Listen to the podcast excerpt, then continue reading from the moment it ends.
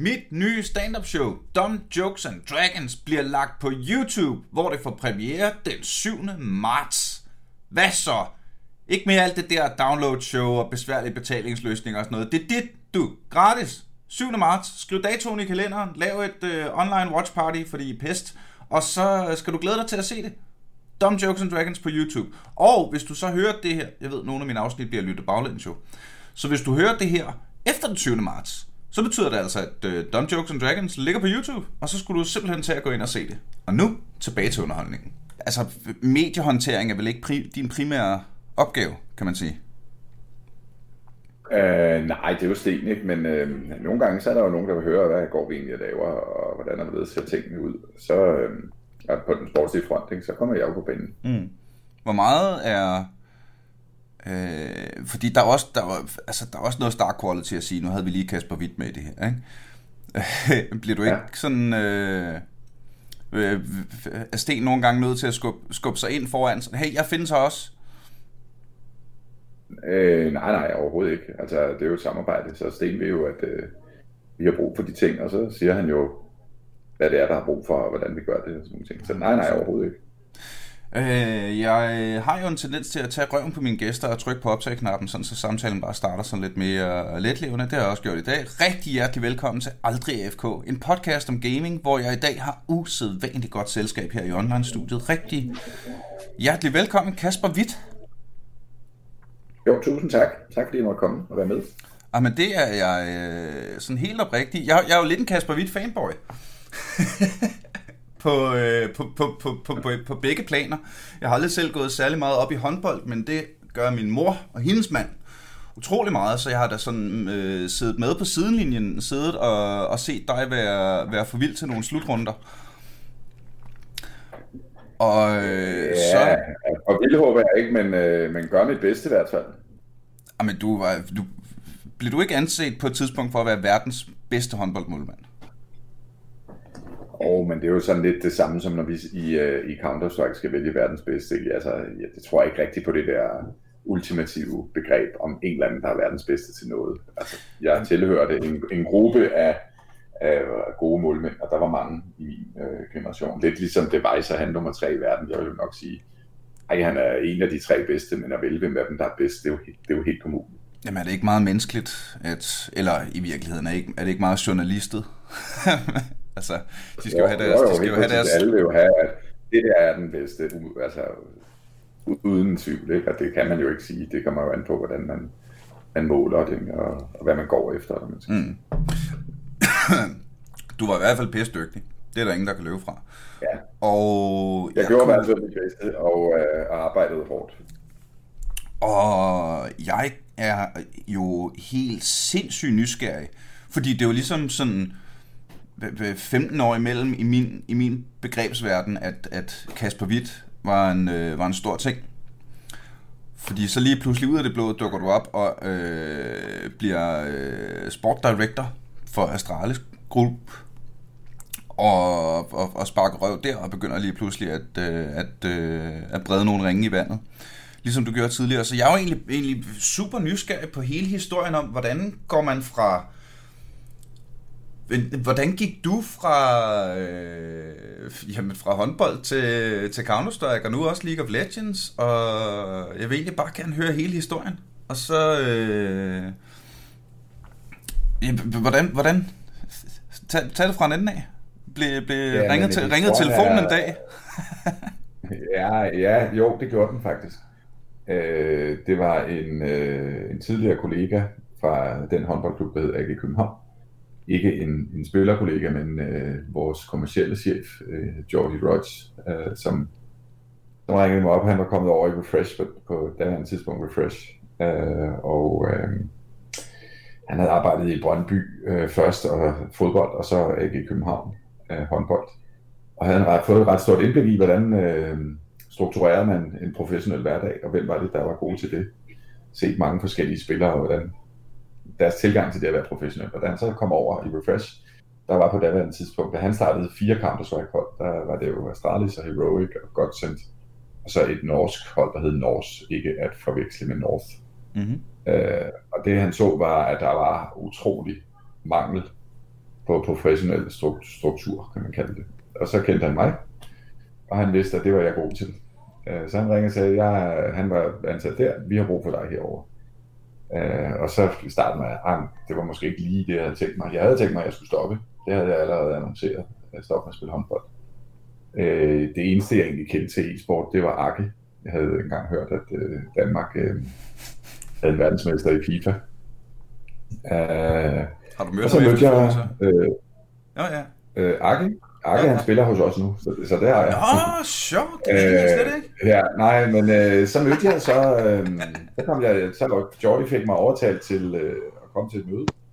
Og så mødte jeg øh, Nikolaj Nyholm og øh, Jakob Lund, de to founder af Refresh, og Frederik Bystrøm, øh, altså med founderen Jakob og, og Frederik har lavet Astralis. Og så Jordi selv. Det var også der var til møde. Og så fortalte de, at, at den glød, der var øh, i firmaet, var, var virkelig sjov. Og så øh, mødet trak lidt ud. Så kom øh, Astralis holdet så spillerne og skulle træne. Og så havde vi lige sådan en kvarter at snakke frem og tilbage, og så fandt jeg egentlig ud af, at øh, de mennesker der, tror jeg, jeg godt, jeg kunne, øh, jeg kunne hjælpe. Selvfølgelig ikke med at blive bedre computerspillere, men med at få en forståelse øh, for, hvor mange parametre man egentlig kan røre ved for at skabe en god præstation. Altså det er ikke kun in-game, der afgør, om du er god. Mm. Det er en helt, helt masse ting øh, bag ved kulissen, hvis man skal sige det sådan. Ikke? Og så, øh, så var jeg egentlig ikke så meget i tvivl, at øh, det ville jeg gerne. Så spurgte jeg, hvordan øh, kom League of Legends, så det var jo så, da havde været der noget tid. Øh, så opstod der en mulighed for, for Refresh for at byde ind på de, et af de 10 spots, øh, Riot, øh, som laver League of Legends.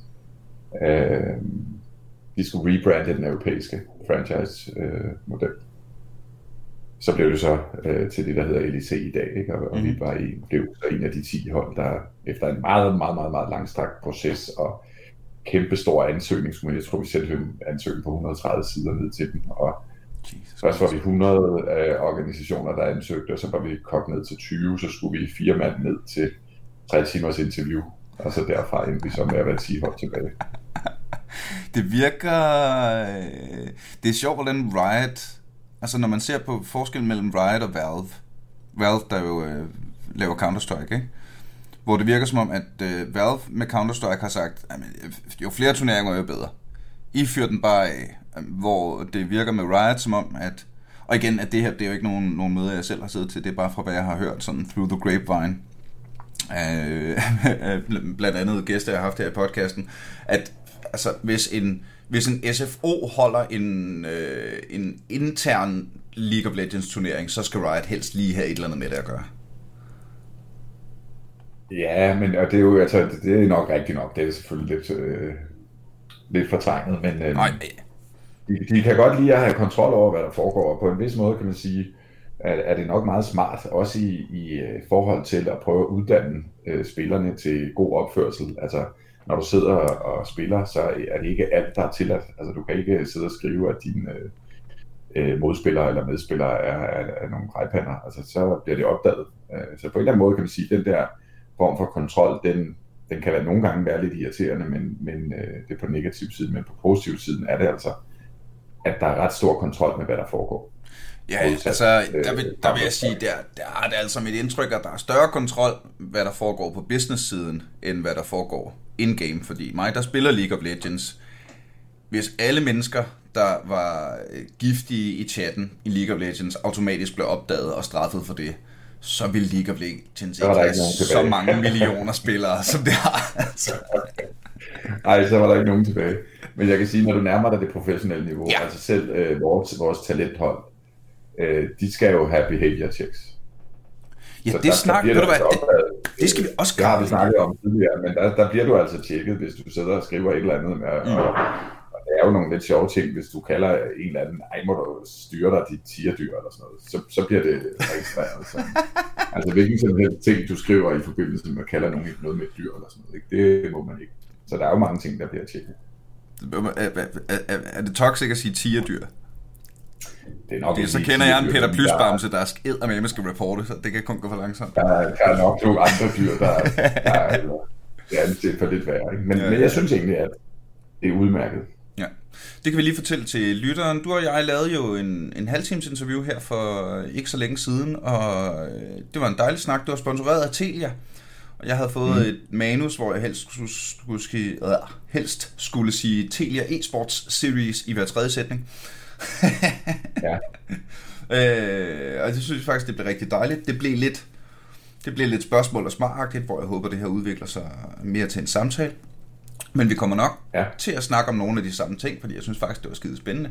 Blandt andet det her med, og det vidste jeg ikke, som du fortalte der, at når man, hvis man gerne vil være professionel, i hvert fald League of Legends-spiller, så øh, er det simpelthen en del af proceduren for Riot at gå ind og tjekke din chat-historik. Mm. Hvilket jeg ja, synes er, er mega sejt. Ja, altså, altså man kan sige, så længe man øh, som ung spiller og, og startende spiller får en chance for at, at ændre adfærd, så du ikke bare bliver øh, udelukket fra starten af. Mm. Så synes jeg, det er en rigtig god idé. Så jeg synes egentlig, at den måde, det foregår på, øh, har, har været ganske fornuftigt. Og man, og man kan sige, vi havde... Øh, altså, der er jo mange, der får nogle flags, fordi der kommer hele tiden nye regler, og, meget, og spillerne, nogle spillere glemmer simpelthen at læse reglerne. øh, så, så der er jo omkring, ja, jeg kan ikke huske, men virkelig mange, men altså, så, kom, så nogen kommer så til en samtale med Riot, og det fungerer faktisk rigtig fornuftigt. Øh, det kan lyde sådan meget officielt og puha, men det er egentlig en øh, udmærket samtale, hvor det lige bliver forklaret, altså hvorfor er det sådan her. Mm. Så, så jeg, jeg tror, jeg synes egentlig, at det er en meget smart metode. Jeg så en øh, sådan en, øh, jeg tror det var en officiel video udgivet af Riot, da de øh, første gang, jeg har spillet League of Legends siden sæson 5, så jeg har spillet i måske 5-6 år eller sådan noget, ikke? Og jeg har jo været, ja. derfor været med til at se, hvad de lige så langsomt, fordi i starten, der var der, altså, der var det ren kaos. Men så lige så stille og roligt begyndte Riot at sige, hey, måske I skal snakke pænt. Og så, in, så installerede de mute-knappen, som jo var øh, Riots gave til menneskeheden. At man bare kunne mute folk, ikke? Men der synes jeg, da jeg så en video på et tidspunkt med, at de simpelthen havde altså fremvist statistikkerne for, jamen i, i kampe, hvor der bliver skrevet giftige ting i chatten, jamen der ser du simpelthen win rate falde med sådan noget 8-10 procent. Bare fordi det, at men, dårlig stemning ikke er for noget som helst. Ja, men, men det giver jo rigtig, rigtig god mening. Altså fordi at, at det fjerner fokus for, for det væsentlige.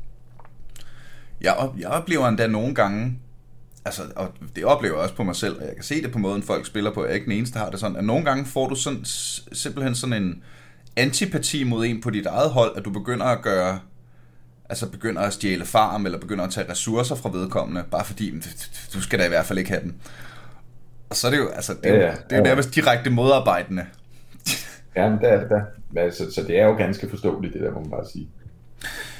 Og det bringer os vel egentlig tættere på at snakke lidt om, hvad kan... Hvordan var det at, at komme ind fra en... Altså, e-sport-verden er jo så ny at det virker som om, at den bliver, altså, den bliver bygget as we go along. Ikke? Vi, vi ligger ja. jernbanesporene lige foran lokomotivet, der kører med 120 ja. timer. Ikke? Hvordan var det at komme fra en verden, der er så etableret som elitesporten, som har været eksisteret i sin nærmest nuværende form i, i lang, lang, lang, lang, lang, lang, lang, lang tid, med en masse strukturer og øh, en masse kundskab, og så komme over i Altså, jeg forestiller mig, at det har været sådan lidt det vilde, det vilde vestenagtigt. Øh, ja og nej. Altså, der er jo... Øh, det der jo...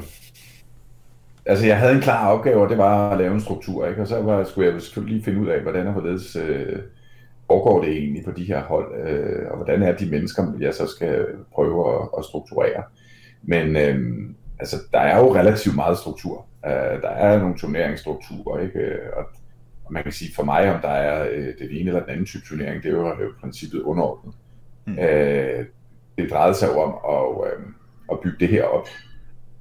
Øh, så jeg synes egentlig ikke, at det har været det ringe i Vesten. Altså, der har været en tilvændingsfase det første år med at finde ud af, hvordan gør man, altså, hvordan kommer man til turneringer og så videre. Ikke? Men, øh, derefter synes jeg egentlig, at, øh, at, at det, det har fungeret øh, ganske fornuftigt.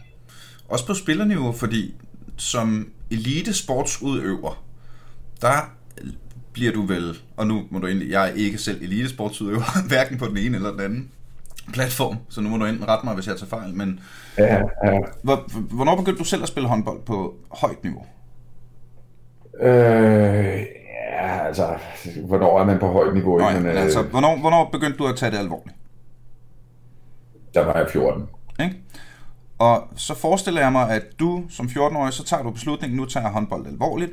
Så er det vel, altså for eksempel sådan noget med at få at vide af din træner, måske du lige skulle sove lidt en gang imellem. Har du prøvet at spise en banan?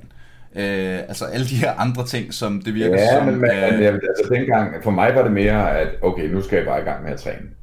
Så må jeg ud og løbe, inden jeg går i skole. Uh, det gør de gode, de kommer i god form. Mm. Øh, altså, dengang var det, der eksisterede nettet jo ikke. Så øh, der, der var det ret svært at få information om, hvem er egentlig de gode. Øh, man var jo ret, øh, når nettet ikke er der, så øh, bliver man jo ret nationalt orienteret, og Danmark var ikke sådan specielt gode til håndbold på det tidspunkt.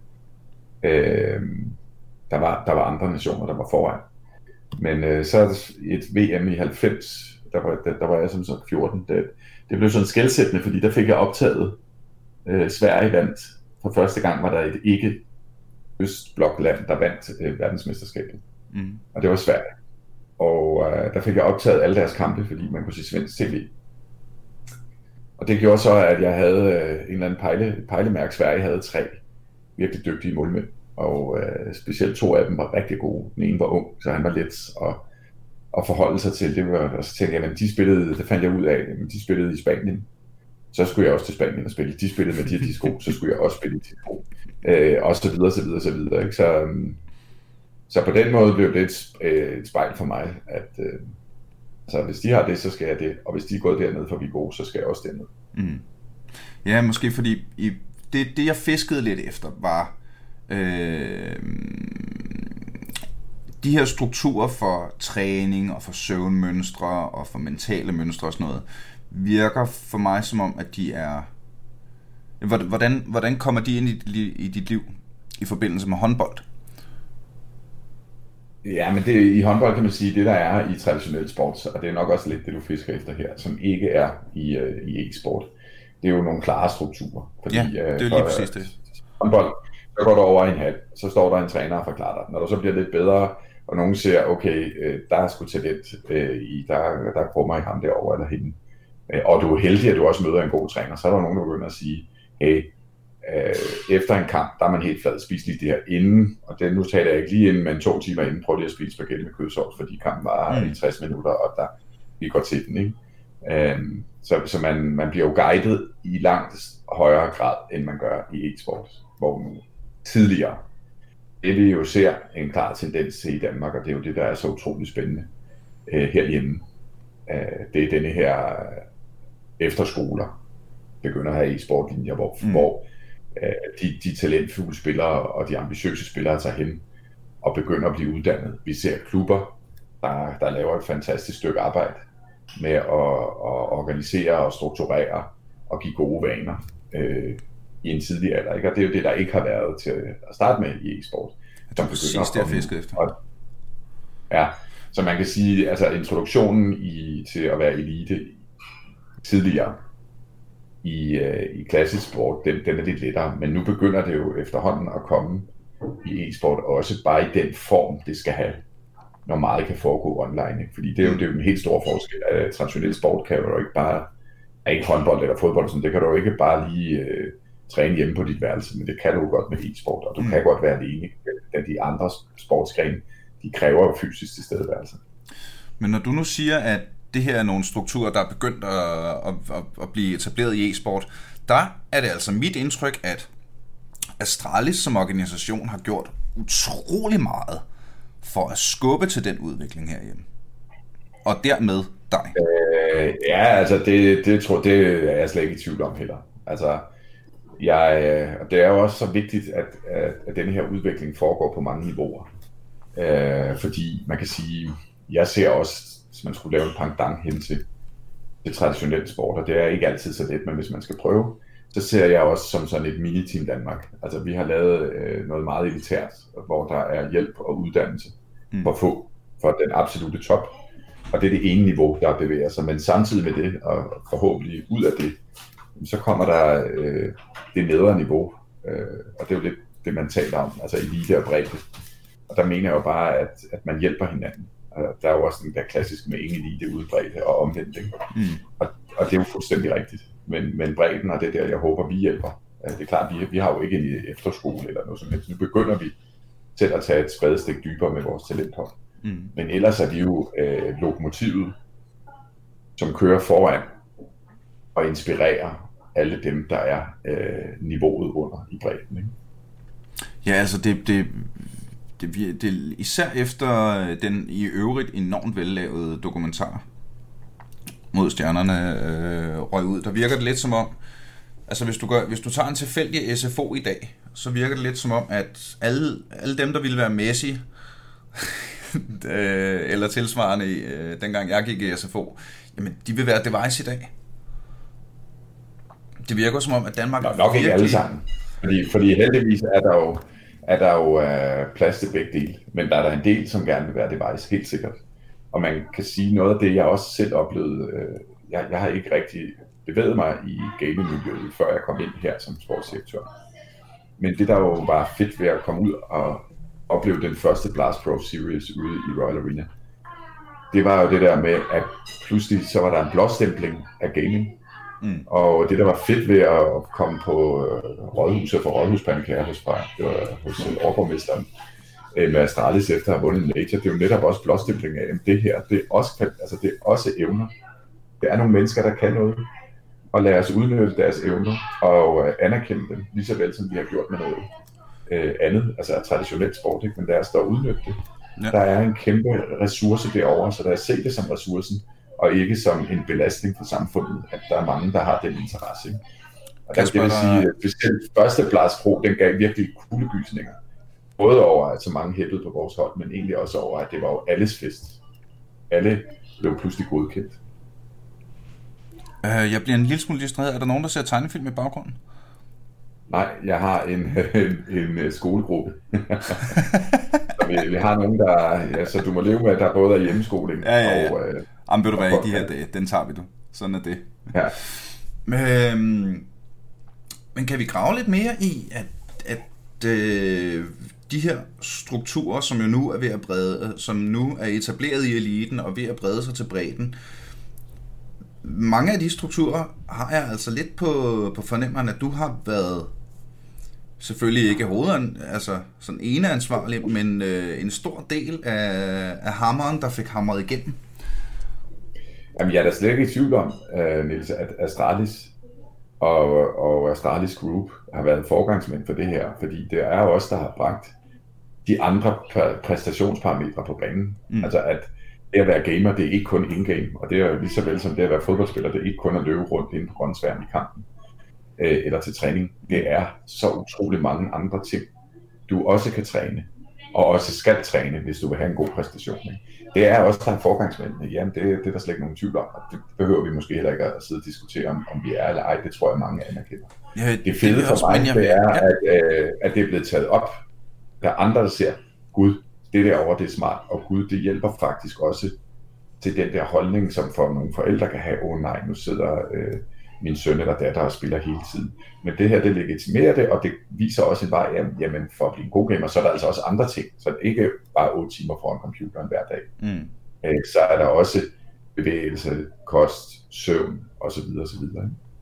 Hvordan har modtagelsen været? Har, det, øh, har, har, har alle fra starten af været hvad? Søvn og kost? Hvorfor har vi ikke tænkt på det? God idé, Kasper. Det gør vi med det samme. Eller har der været sådan lidt mere... Øh... Fordi der er jo så nogle andre strukturer, det, det har skulle, øh, de nye strukturer har skulle erstatte, og de gamle strukturer var jo meget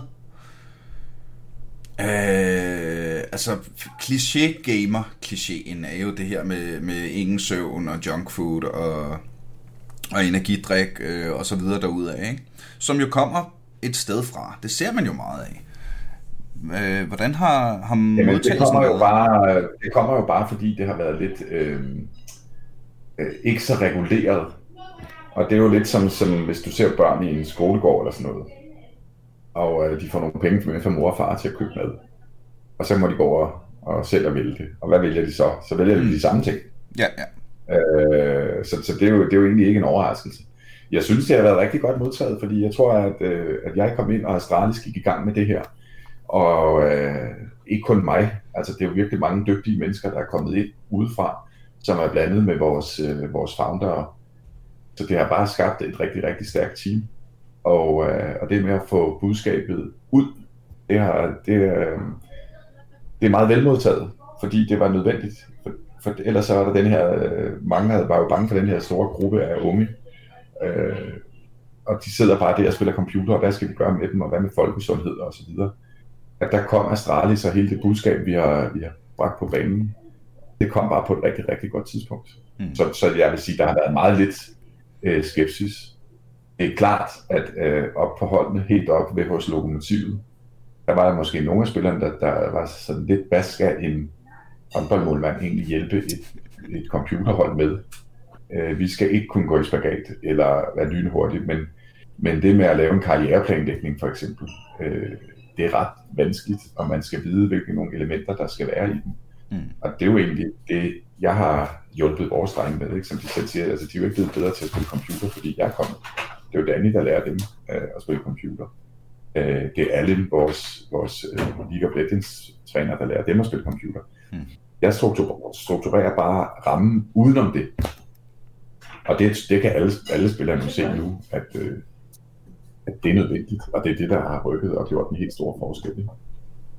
Det har i hvert fald, øh, det har i hvert fald været med til at skubbe på en, jamen, en legitimering af det helt rigtige ord, fordi det, nu har jeg været, øh, øh, altså, du var, du var den seje dreng i klassen, der kunne spille sport. Jeg var nørden, der sad og spillede computer og rollespil, ikke? Og ja. det har været øh, det har været helt vildt at se rejsen i for, for gaming bare inden for de sidste par år jo altså.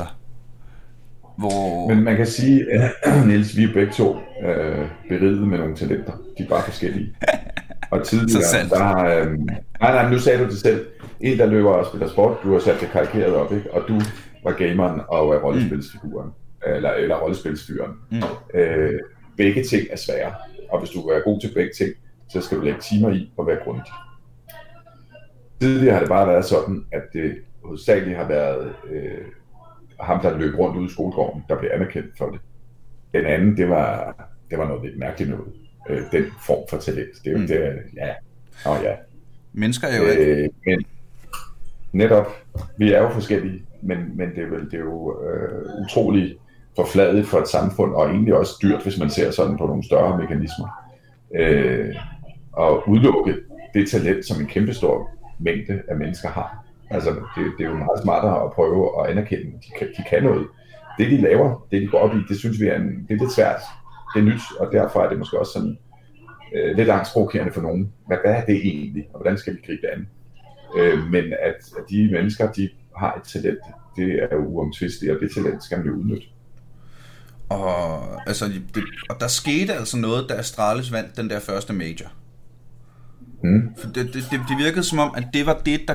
Altså, det var noget med, at de vandt en million. Og det blev skrevet på ekstrabladet. Counter-Strike-hold vinder en million, ikke? Og lige Men det skal jo så også sige, at de havde jo vundet turneringer før, og danskere havde vundet turneringer. Mm. Men det, der er interessant her, det er jo også hele baglandet i det, der hedder Refresh. Altså, hvem får pludselig ekstrabladet til at få øjnene op for det her? Hvordan er det egentlig, der gør? Så, så det er jo ikke bare noget, der sker tilfældigt.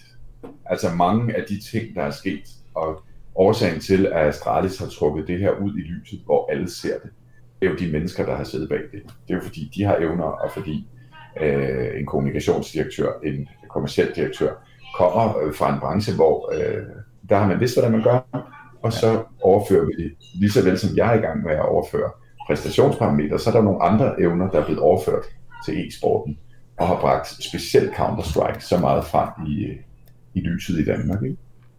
Det er ikke noget, der bare sker tilfældigt. Selvfølgelig er det ikke det.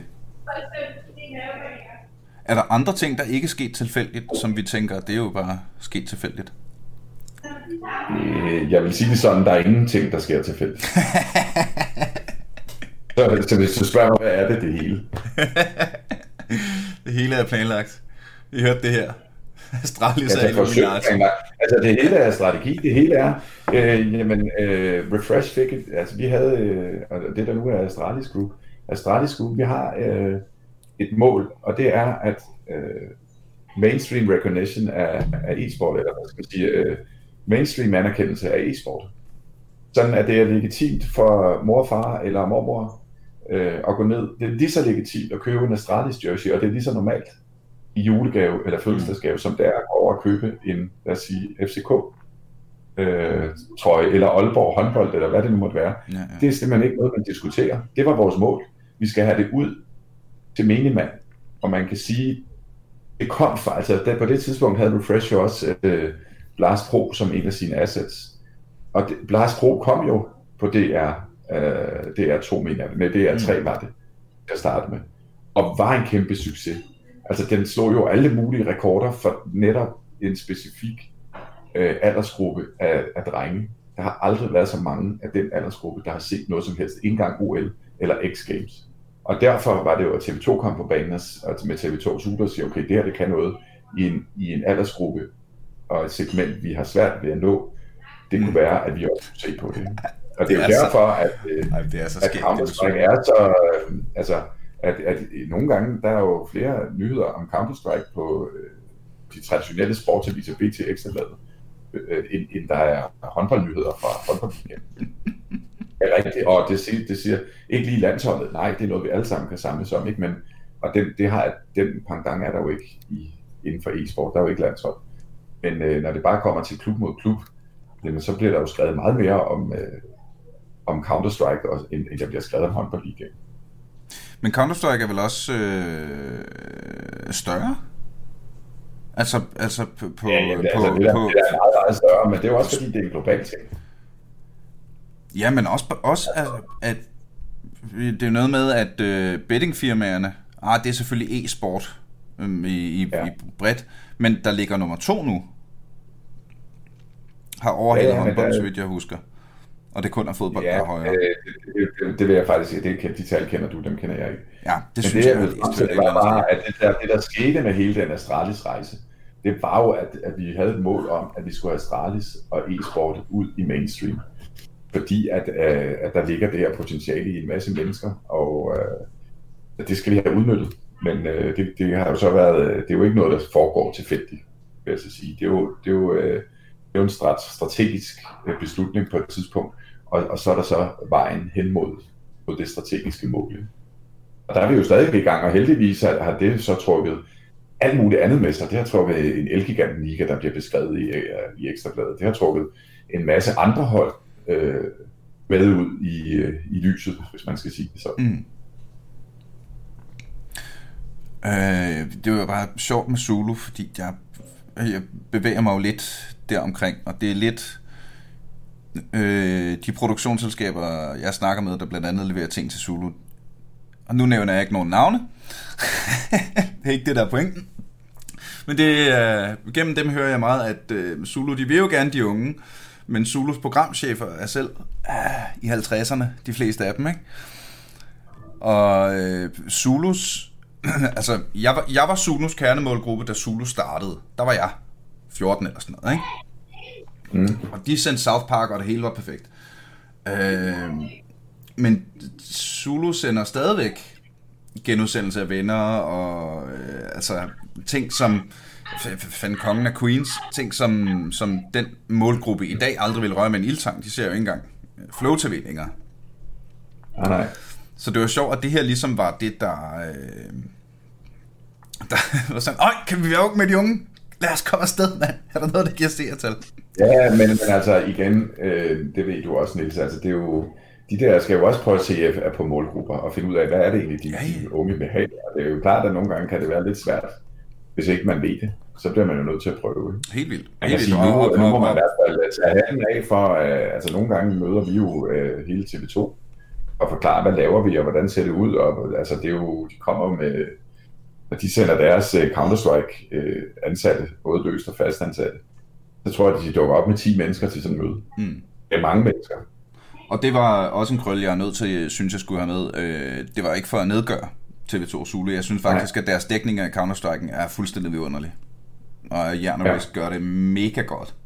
Og studiet... Men jeg vil sige, noget, af, noget af, af hele den der rejse, det, som, som e-sport og, og så specielt Counter-Strike via Astralis og Astralis Group herhjemme har været på, det har jo så også gjort, at, at, at pludselig så min, altså for eksempel min far, han anede ikke, hvad e-sport var. Men så øh, kom han og siger, åh, hold da op, han har godt nok lavet nogle fracks, ham der. Og, øh, altså ting, hvor jeg faktisk ikke helt kendte alle de begreber, han slømmede over i hovedet på mig.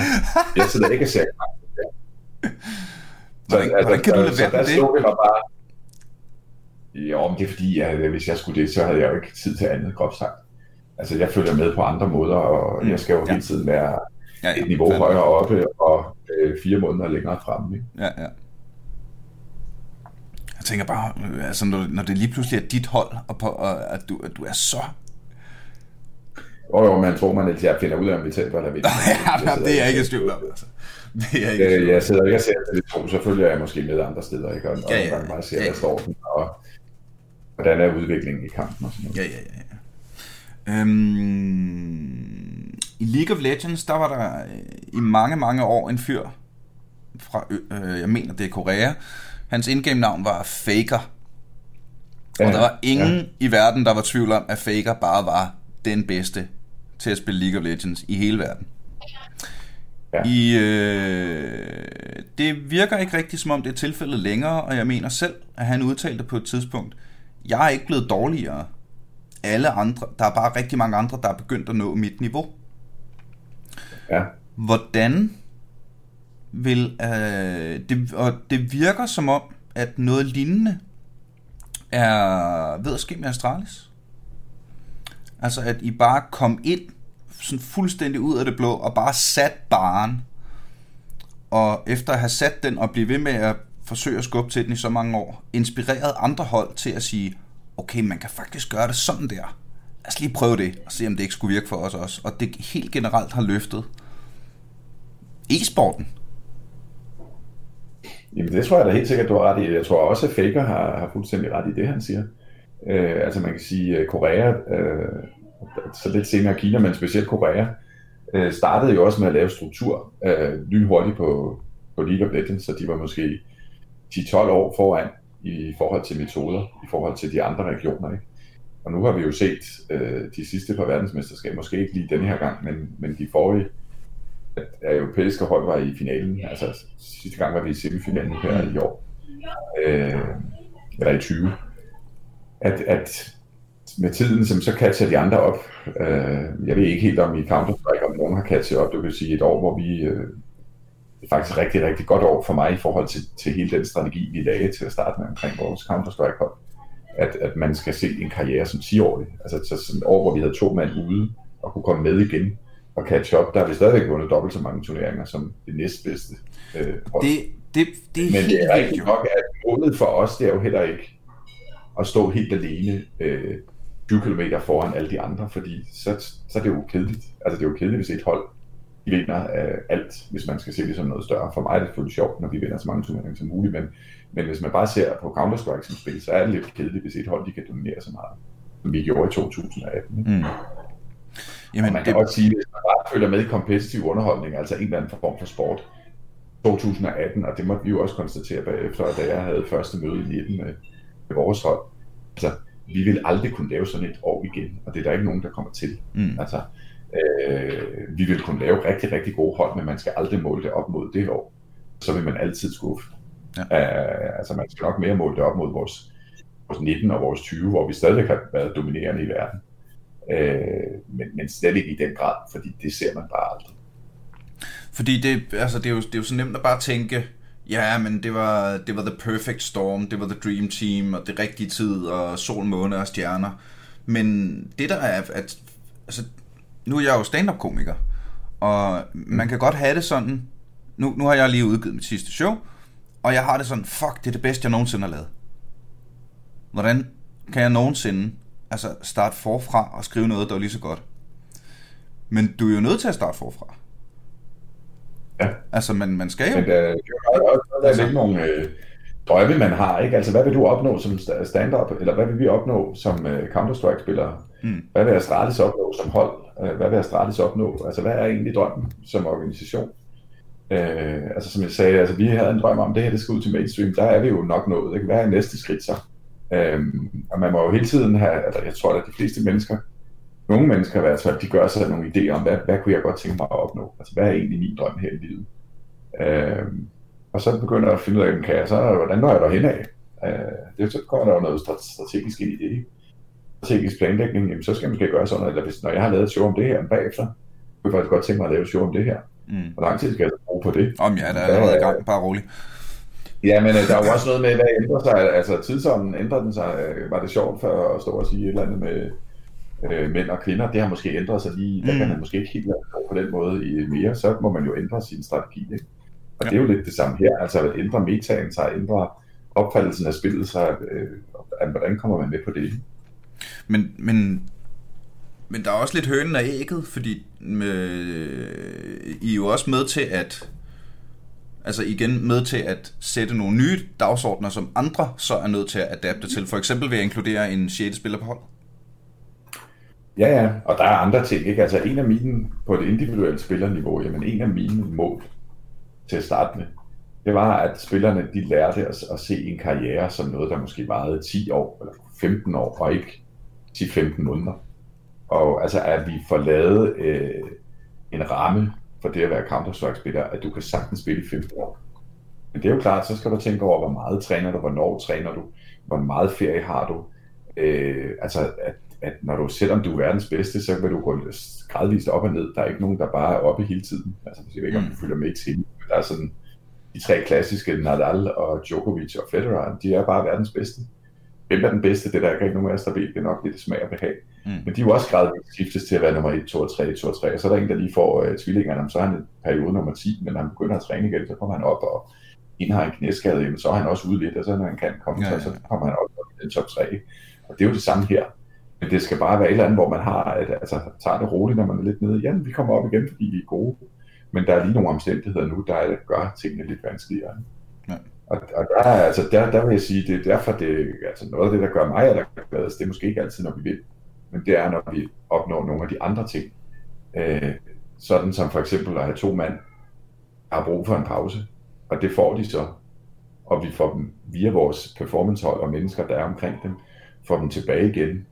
Vi kan placere Glaive igen i en in-game leader-rolle, han ikke har kunnet tage i næsten et år, og så faktisk øh, dominere utrolig meget, når, når folk lige har fået banket rusten af i slut 2020. Ikke? Mm.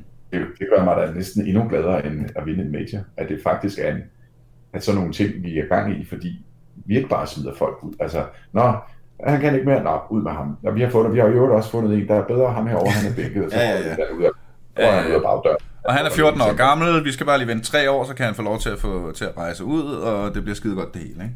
Altså, altså, men det er jo klart, at der har, der har nok, der har eksisteret, ikke nok, der har eksisteret øh, en konsensus om Counter-Strike, det er bare, at man er ude at rejse hele tiden, når man spiller og træner hele tiden, og det er midt om natten. Mm. Øh, og der, det er der ikke nogen mennesker, der kan leve i, så vi skal jo have lavet nogle øh, vilkår, hvor man kan sige, jamen det her, der er gode øh, træningsvilkår, øh, ligesom for alle mulige andre. Øh, altså basket, fodbold, håndbold, whatever. Men forskellen er vel så, at hvis du skal planlægge en håndboldkarriere, så ved du, at... Eller, det ved du, det er der ingen, ingen kan spørge om fremtiden, men du er ret sikker på, at der findes et spil, der hedder håndbold om 15-20 år. I e-sport, der, altså, der kan jo i morgen, så kan Google annoncere, hey, vi har lavet det nye shooter. Og så er der alle mulige, der begynder at spille det, og lige pludselig så... Ja, men, men det har du jo ret i, Niels, og det er jo også derfor, man skal leve i nuet, selvom man også laver langsigtet planlægning. Ikke? Mm. Men der er også noget, der hedder legacy, trods alt. Uh, der er mange spil, der er kommet og gået, og der er nogen, der stadigvæk er her. Ja. Og, uh, og det er blandt andet også derfor, at de tre spil, vi har i Astralis Group, uh, altså Counter-Strike, League of Legends og uh, FIFA, at det er dem, vi har valgt. At vi ikke er gået ind i, øh, i andre, fordi øh, Ja. tror mig, der, der kommer hele tiden muligheder for at gå ind i nye spil. Men vi, har, vi tror på denne her øh, altså historie, det er dem, der, de spil har været der i virkelig lang tid.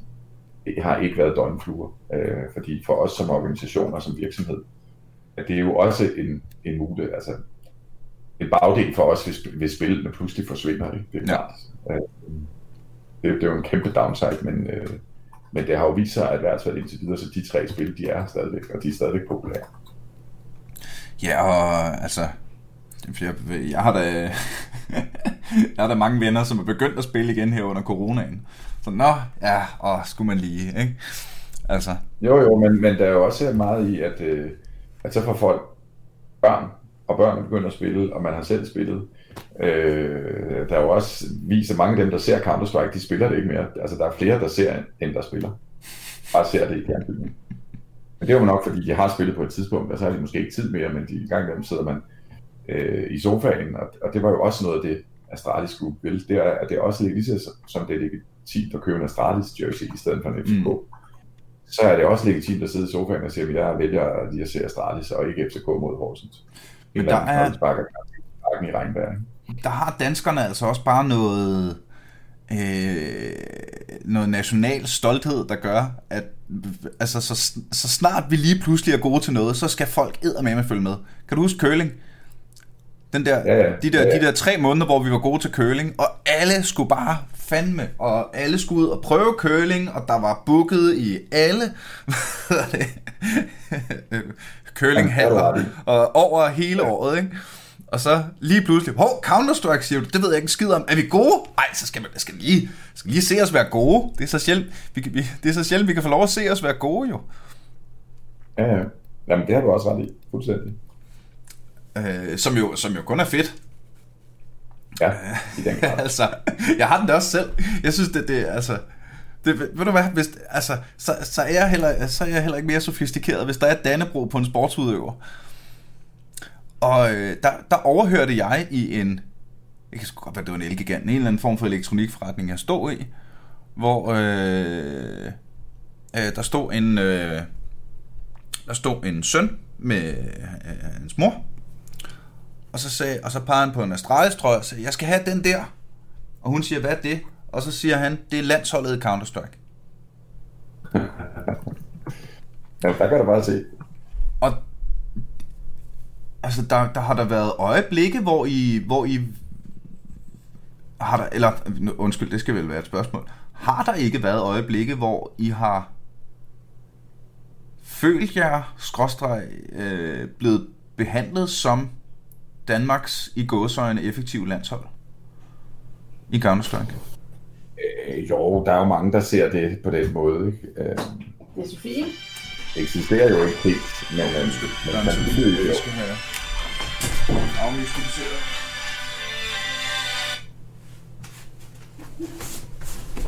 Jeg er tilbage. Det var meget Ja, det er fint. Lad os sætte den på lydløs. No problem. Sådan der. Hvor går vi fra? Jamen det var det der, man følte sig som landsholdet. Mm. Øh, jo, muligvis. Altså, det, det skal være helt ærligt, det går jeg ikke sådan super meget op i. Det, øh, altså, der er jo ikke nogen tvivl om, at som du siger, at folk kan godt lide, når, øh, når det går godt for noget dansk. Og det er det samme for os selvfølgelig. Mm. Øh, så, så det er bare, ja, det, det har været godt. Det har simpelthen været godt, må bare blive. Det har i hvert fald, altså, det, det, det er lidt sjovt, når...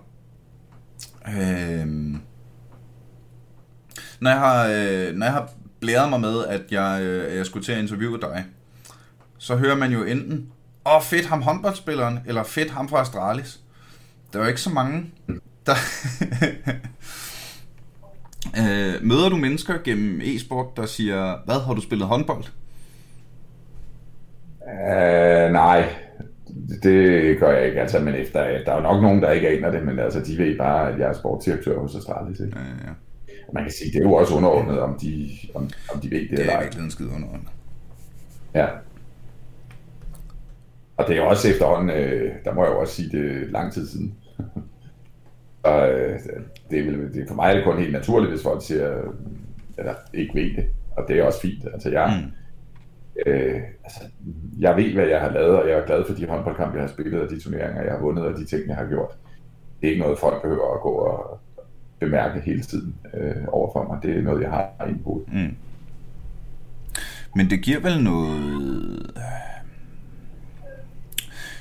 nogle, nogle erfaringer og noget Jamen, det giver netop erfaring. Altså, alt det, jeg har med af håndbold, det er det, jeg selv ved, og det er det, jeg bruger nu. Det er de ting, jeg overfører uh, faktisk fra præstation et sted, altså i håndbold, til præstation et andet sted, Counter-Strike og League of Legends og FIFA, altså inde i Astralis. Det er de erfaringer.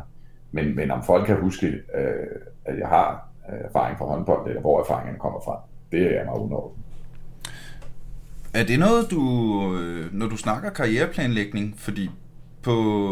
Ja, vi mødte jo hinanden til Netparty Fyn, dengang man godt ja. måtte møde hinanden til Netparty Fyn. Ja. Hvor jeg så dig holde en talk til øh, Netparty Fyns Academy. Shout out til vores homies.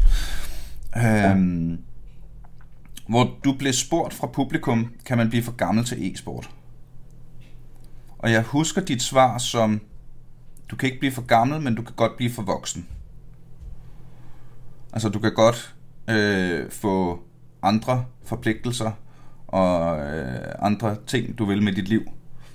Og så kan ja, du ikke træne lige så effektivt. Men det der med, ja. at du bliver øh, langsom til at rykke på musen og sådan noget, det er i virkeligheden skide ligegyldigt.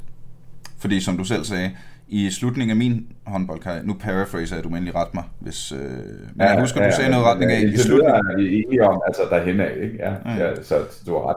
Du sagde noget om, at i slutningen af din egen håndboldkarriere, der kunne du godt mærke, at du måske ikke var lige så hurtig som en 23-årig, men det du så havde, den lille bitte smule, du så måske havde tabt på det, det havde du vundet, og mere med, med erfaring. Fordi ja. det kunne godt være, at der stod en eller anden 23-årig og spillede smart i et straffesparks, øh, eller et straffekast øjeblik, men der findes ingen finder, du ikke havde set. Altså han kunne ikke lige hive et eller andet trick op af hatten. Ja, eller, eller du ved, at du for det første er du rolig i præstationsøjeblikket, øh, modsat øh, de yngre. Mm. Og sådan er det bare. Øh, og øh, det var den ene ting. Og den anden ting, det var, så ved du, hvornår du skal starte med hurtig. Du ved, hvor du skal placere dig. Altså, du, der, du har nogle andre ting med. Mm. Øh, så, så det, det, er, det, du mister det ene sted, det vinder du måske dobbelt så meget det andet. Er det, er det stadig, mener du stadig det, at man ikke kan blive for gammel til at være eliteudøver øh, i e-sport? Øh, øh, ikke sådan fysisk, altså man kan jo have været med så længe, at man ikke, at man ikke synes, det er sjovt mere. Mm. Og, og så er man blevet for gammel, kan man sige. Ikke fysisk for gammel, men at man simpelthen ikke har i den længere. Altså den drøm, vi lige talte om før, den, du har været der, du har prøvet det, det du egentlig ville mm. ved at være et eller andet sted, det har du opnået. Så, så er det brændt ud, men det har ikke noget med alder at gøre. Øh, snakker du med, det gør jeg stærkt ud fra, det er et meget ledende spørgsmål, det ved jeg godt. Snakker du med, med spillerne om det? Altså sådan, okay dreng, ja, hvad, så, hvad så, når I ikke skal være entry længere? Altså indtil videre er vi ikke gået ind i sådan uh, videre karriereplanlægning, men det er klart, at øh, nu, altså, det er nævnt for nogle spillere, at, øh, at de har jo fået enormt meget erfaring. Den erfaring, øh, den kunne vi godt tænke os at, øh, at drage nytte af øh, senere. Fordi øh, at, at de sidder med noget erfaring, som er, er unik og de er den første generation, så det er klart, at den, det, det skal vi bruge senere. Mm. Men det er ikke en decideret karriereplanlægning. Fordi det, altså, det er jo noget, der er gået op for mig, især med at lave den her podcast, at det er meget, meget, meget svært at blive professionel computerspiller. Men hvis du har passionen for computerspil og e-sport osv., så, så er der masser af plads til øh, og gerne vil have det en del, som en del af dit liv, også på et professionelt niveau, så er der virkelig meget plads til øh, trænere og caster og folk, der kan finde ud af at sætte server op, og folk, der sælger hardware, og folk, der sælger software, og øh, værter på øh, turneringerne, og øh, øh, den, der sidder i øh, og står udenfor og sælger hotdogs. Og altså, det er jo i takt med, at brugerfladen er blevet øget så meget, som den er i løbet af de sidste 15 år, jamen så er det jo et, et helt univers, som, som man sagtens kan begå sig i professionelt. Ja, ja, ja. Men det er jo så også fordi, at øh, der er ved at blive bygget noget op Og øh, som vi talte om før, jamen, at brugerne, eller dem, der spiller computer, og, så, altså der selv muligvis og alle mulige andre, de, de har jo været der hele tiden.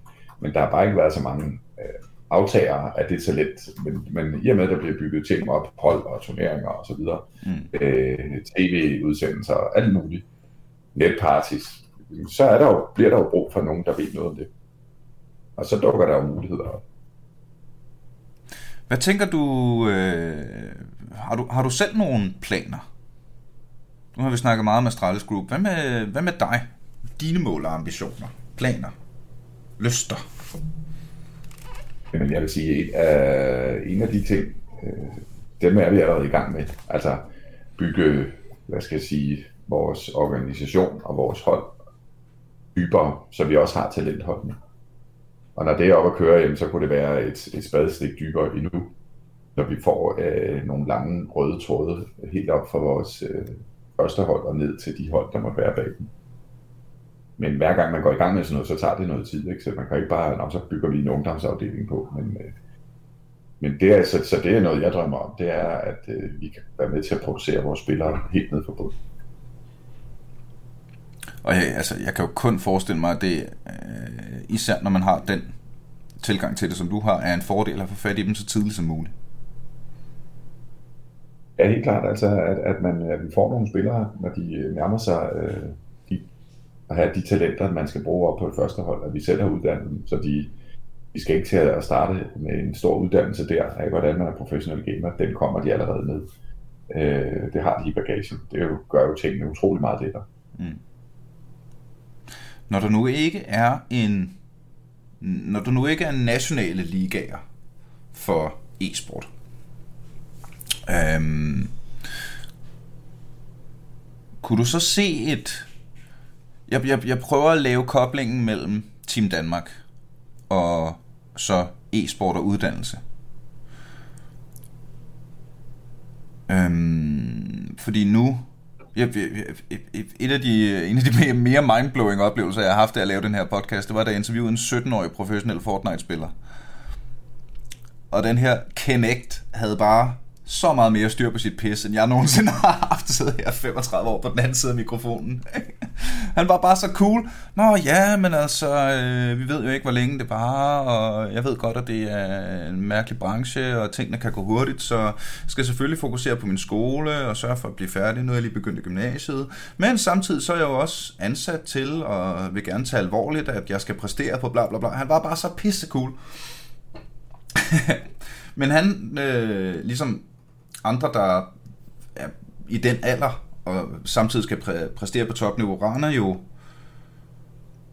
ind i udfordringen, at man lige skal have for eksempel gymnasiet til at køre samtidig ved siden af, ikke?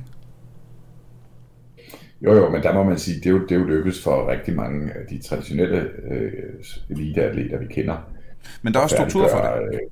Øh, for eksempel. Ja, der er struktur, og det er, jo, det, er jo, det er jo så også det, der skal være her. Ikke? Altså, at når vi har et talenthold, hvor folk er så unge, at, øh, at de også går i skole, at træningen starter først efter skoletid. Mm. Der kan det være, at der kommer turneringer, og jo, og jo længere vi kommer ind i det her, så er det selvfølgelig også at tage samtaler med, med uddannelsesinstitutionerne og sige, men altså en gang imellem er der altså en kamp kl. 10 om formiddagen. Okay, så må vi prøve at se, om, om man kan være væk fra undervisningen der og få den på et andet tidspunkt, eller hvordan man skal gøre det. Kan det lade sig gøre? Det lyder mega sejt. Det tror jeg sagtens, det kan. Altså, jeg har haft møder med, med flere uddannelsesinstitutioner, som er meget interesseret i at, at hjælpe. Og det er klart, så længe vi ikke er øh, anerkendt som en sport via DIF, så kan man ikke komme ind i Team Danmark på den samme måde. Men der er rigtig, rigtig mange, der er interesseret i at prøve at hjælpe og finde ud af, øh, altså udenom om den officielle måde at gøre det på i de andre sportsgrene. Men så siger jeg, det, det skal da kunne lade sig gøre, at man også er professionel gamer og uddanner sig. Så, så der er vi jo et et ret unikt land, hvor man ser, at de ting skal gå hånd i hånd. Bør Counter-Strike anerkendes i DIF? Ikke Counter-Strike e-sport i det hele taget. Ja, det synes jeg da, man ikke også kommer derhen, og nu der har været lidt stille om, om snakken her øh, et stykke tid, men øh, er da ret sikker på, at e-sport kommer derhen af, men, men først skal, altså jeg har holdt flere møder, for, øh, sådan oplæg for Team Danmarks bestyrelse, jeg har været i forskellige kommuner og fortalt om, der Altså, hvad er e-sport egentlig? At e-sport er ikke Counter-Strike alene. E-sport er måske 20 spil, der bliver spillet sådan på et ret højt niveau, hvor folk tjener penge på det. Og det overrasker jo mange, at det ikke bare er et spil. Det er ikke bare Counter-Strike. Mm. Øh, og det var blandt andet i Viborg Kommune, hvor Ulrik Vilbæk er, er borgmester, hvor han sagde, at det der med at tale om e-sport til OL, det gav jo så ikke rigtig nogen mening. Man skulle jo i virkeligheden tale om et e-sport og OL. Ja. Hvis der er 20 spil. Øh, fordi der er jo mange af dem, der siger, at det svarer bare til, at I tror, at når vi snakker om sport, så er det bare håndbold. Men I ved jo allerede nu, når vi snakker om sport, så er det håndbold, fodbold, volleyball, badminton, tennis osv. Ja, ja, ja. Og det er helt det samme derovre. At under e-sport ligger der en hel masse. Men det, det, det, det, der er så... En helt anden diskussion, Niels, så det, det vil tage et helt program at gå ind i den diskussion. Ja, hvis du har tid, så gider jeg også godt tage den diskussion. Nu har vi, nu har vi også øh, jeg, jeg, jeg vil sige det sådan, nu, kan, nu, ja, nu kan du nemlig klippe mig ud, fordi jeg, jeg har en bagkant om tre minutter. Ved du hvad, Kasper? Øh, er der noget, du lige vil shout-out sige her til sidst? Nej, jeg synes, vi har været ret godt omkring. Jeg synes i hvert fald, det har været øh, en kæmpe stor fornøjelse. Tusind tak, fordi du havde tid til at lyst at være med. Og kære lytter, så holder jeg, øh, så holder jeg lige afslutningen lidt kort i dag. Husk at like Facebook, møsser og kys og kram og kærlighed til dem, der støtter partier. Lyt med næste uge, når vi en gang til er aldrig AFK. Pow!